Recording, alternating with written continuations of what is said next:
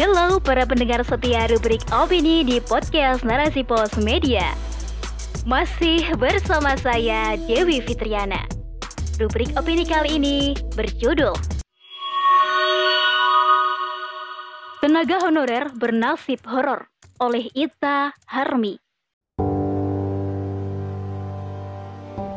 Sungguh malang hidup menjadi pekerja di lembah demokrasi. Bekerja di instansi pemerintahan zaman sekarang memang menjadi sebuah kebanggaan.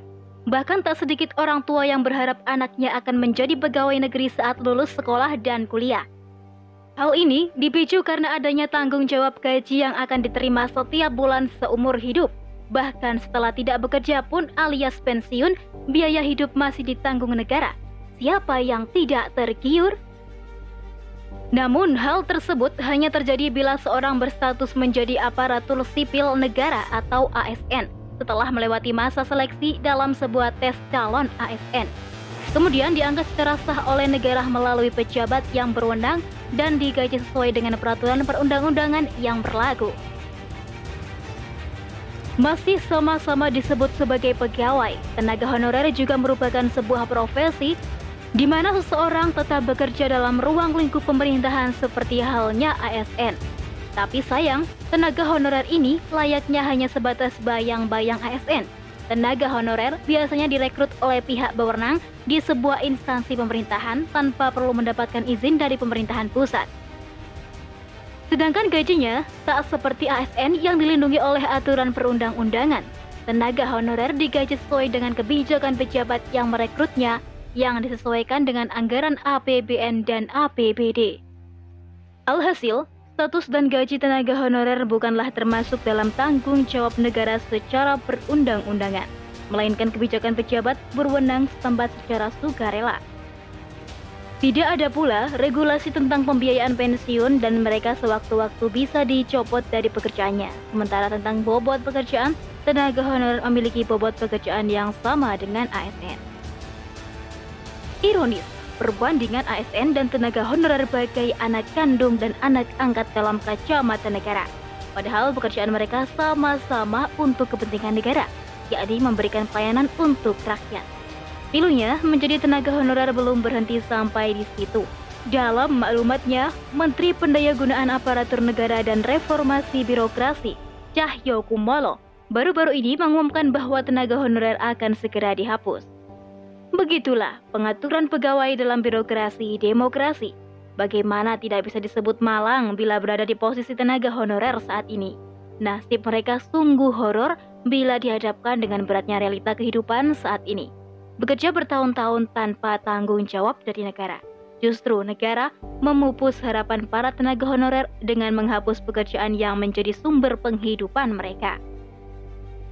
Demokrasi memang tidak menjamin kebahagiaan. Asas manfaat yang mendasari pandangan ini menjadikan tenaga manusia bisa diperas sepuasnya berbanding terbalik dengan upah yang diterima. Di saat manfaat berkurang, maka kebutuhan atas tenaga mereka juga menghilang. Tenaga honorer tak ubahnya seperti buruh di instansi pemerintahan. Tenaganya bahkan sering dimanfaatkan oleh para oknum ASN untuk menggantikan pekerjaan inti mereka.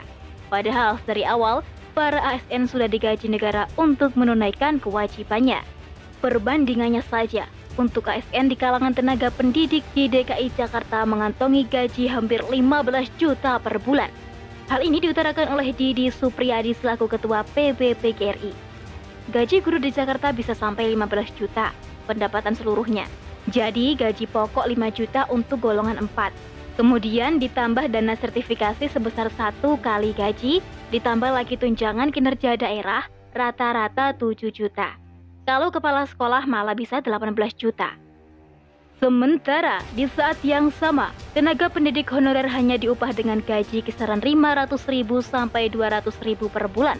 Berbeda daerah, berbeda pula besaran upah para honorer, sesuai dengan APBD daerah setempat. Hmm, Bayangkan, bila ada tenaga honorer yang bekerja di daerah pelosok, bahkan tak sedikit dari mereka yang bekerja tak jauh bedanya seperti relawan tanpa gaji. Apakah kondisi ini layak untuk dipertahankan? Seandainya saja umat ini mau mengalihkan sedikit pandangannya, maka mereka akan mengetahui bahwa di sisi lain ada Islam sebagai solusi problematika kehidupan. Solusi yang selama ini jarang dilirik, melainkan justru dikubur dalam ruang masa dan dikaburkan keagungannya. Dalam konsep Islam, tidak ada pegawai negara dengan status ASN ataupun honorer. Semua pekerja yang bekerja untuk kelangsungan birokrasi pemerintahan merupakan pegawai yang berada dalam tanggung jawab negara. Seluruh pegawai yang bekerja pada negara atau khilafah diatur sepenuhnya di bawah hukum-hukum ijaroh atau kontrak kerja. Mereka mendapatkan perlakuan yang adil sesuai dengan hukum syariat. Hak-hak mereka sebagai pegawai, baik pegawai biasa maupun yang memiliki jabatan khusus, dilindungi oleh khilafah. Mereka bekerja sesuai dengan bidang masing-masing dan selalu memperhatikan hak dan kewajiban sebagai pegawai negara.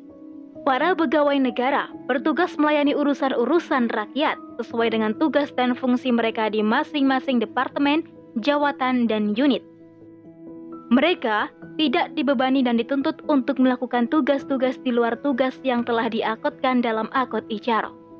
Hak-hak mereka sebagai pekerja dipenuhi dan dilindungi sepenuhnya oleh khilafah. Dampaknya, seluruh pelayanan urusan dan kepentingan rakyat berjalan dengan mudah cepat, dan dengan hasil yang sempurna. Kelangsungan roda pemerintahan akan terjaga. Kesejahteraan dirasakan oleh warga negara yang akan mengalir hingga ke seluruh umat manusia. Karena seluruh pegawai negara bekerja tidak sekedar ingin mendapatkan upah. Lebih dari itu, mereka memahami bekerja melayani urusan rakyat merupakan ibadah yang memiliki banyak keutamaan.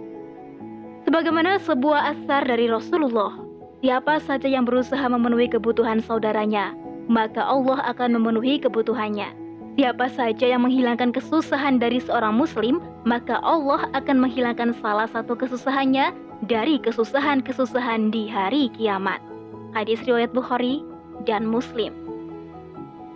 Negara juga tidak diperbolehkan menunda pemberian upah para pegawainya.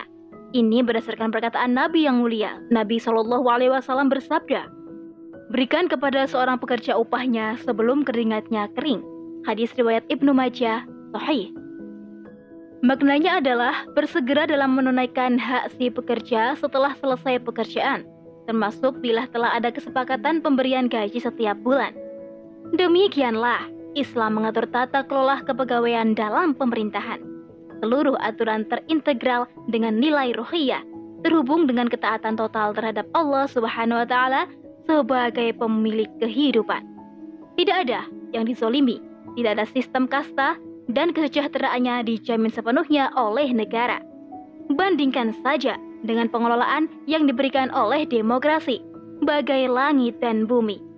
Anehnya, masih saja banyak yang mendukung dan mengukuhkan demokrasi sembari merendahkan dan menista Islam yang memuliakan kehidupan manusia. Oleh sebab itu, bergeraklah menuju arah perubahan untuk mencapai kegemilangan. Sebagaimana kegemilangan yang dipertahankan Islam selama 13 abad lebih lamanya. Wallahu alam. Biswa. Demikian rubrik opini kali ini. Sampai jumpa di rubrik opini selanjutnya. Tentunya di podcast Narasi Pos, cerdas dalam literasi media, bijak menangkap peristiwa kunci.